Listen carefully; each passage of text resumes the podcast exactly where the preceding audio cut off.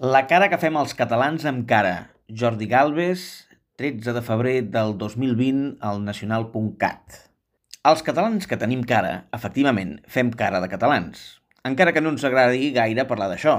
Encara que no ens agradi escalfar-nos el cap, no fos cas ell, una mica de calma, no fos cas que l'ultradreta espanyolista, sempre ben acompanyada de l'esquerra espanyolista, ens acusi de xenòfogs, de malparits o de nazis.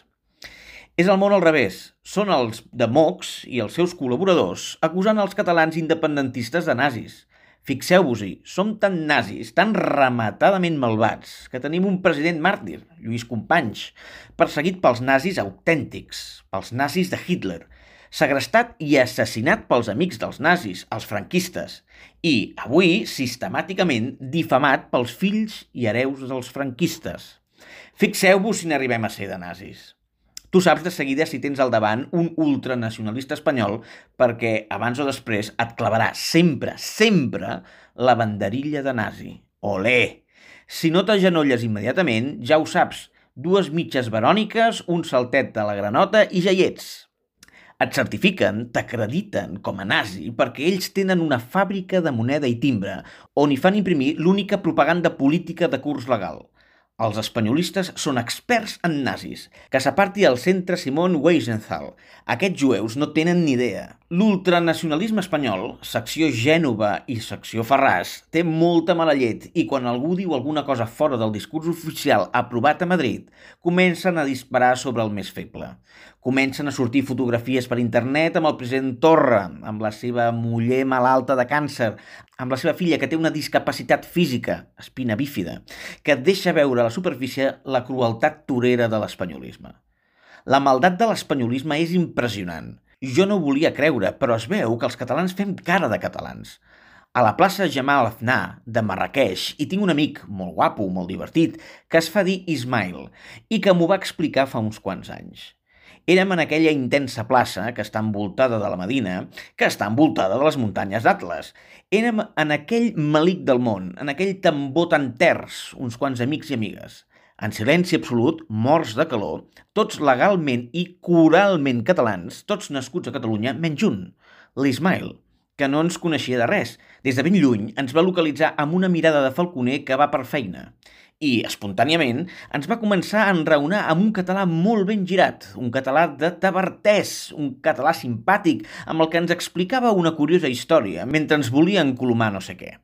Li vaig dir que no, que només volia comprar-li informació, que volia saber com havia reconegut que érem catalans. Era la roba?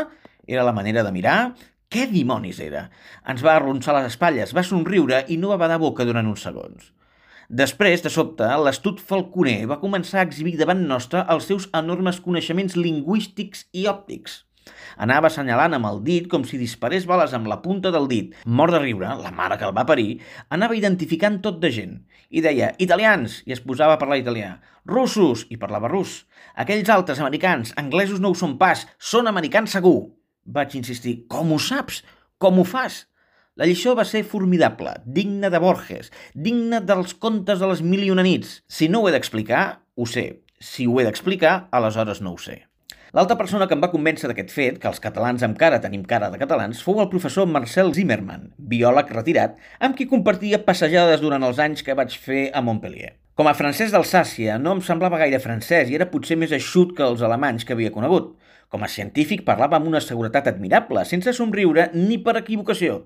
Un bon dia, després d'una bona passejada junts, amb el meu gos nyerro, el savi professor em va fer notar que el gos i jo ens assemblàvem. No som pas família, li vaig respondre, almenys que jo sàpiga. Monsenyor Zimmermann em va renyar i em va recordar la importància absoluta de la convivència, del mimetisme entre humans i, per descomptat, entre humans i alguns animals. Són la convivència de l'amor, el que estableix forts lligams de semblança física i psicològica. Un gos i un humà, si s'admiren mútuament, si són autèntics amics, és inevitable que s'acabin influint l'un a l'altre i que estableixin un territori d'identitat mútua. El que ens resulta familiar ens atrau.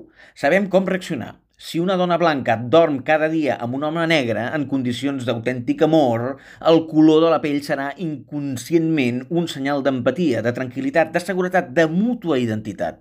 Els negres francesos fan cara de francesos, mon ami.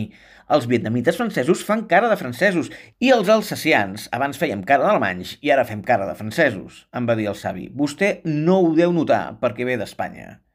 Un país sense diversitat racial, un país amb puresa de sang, un país amb racisme social implícit. Però si un bon dia acaba civilitzant-se, ho veurà com jo. Va sorprendre'm una mica el comentari, la veritat, però, de fet, vaig agrair-li que em digués que els humans ens assemblem entre nosaltres gràcies a l'autèntica convivència i que tots fem cara del país que som, excepte els que acaben d'arribar, precisament perquè acaben d'arribar. I que, passat el temps, de mica en mica ens fem indistingibles i germans per sempre.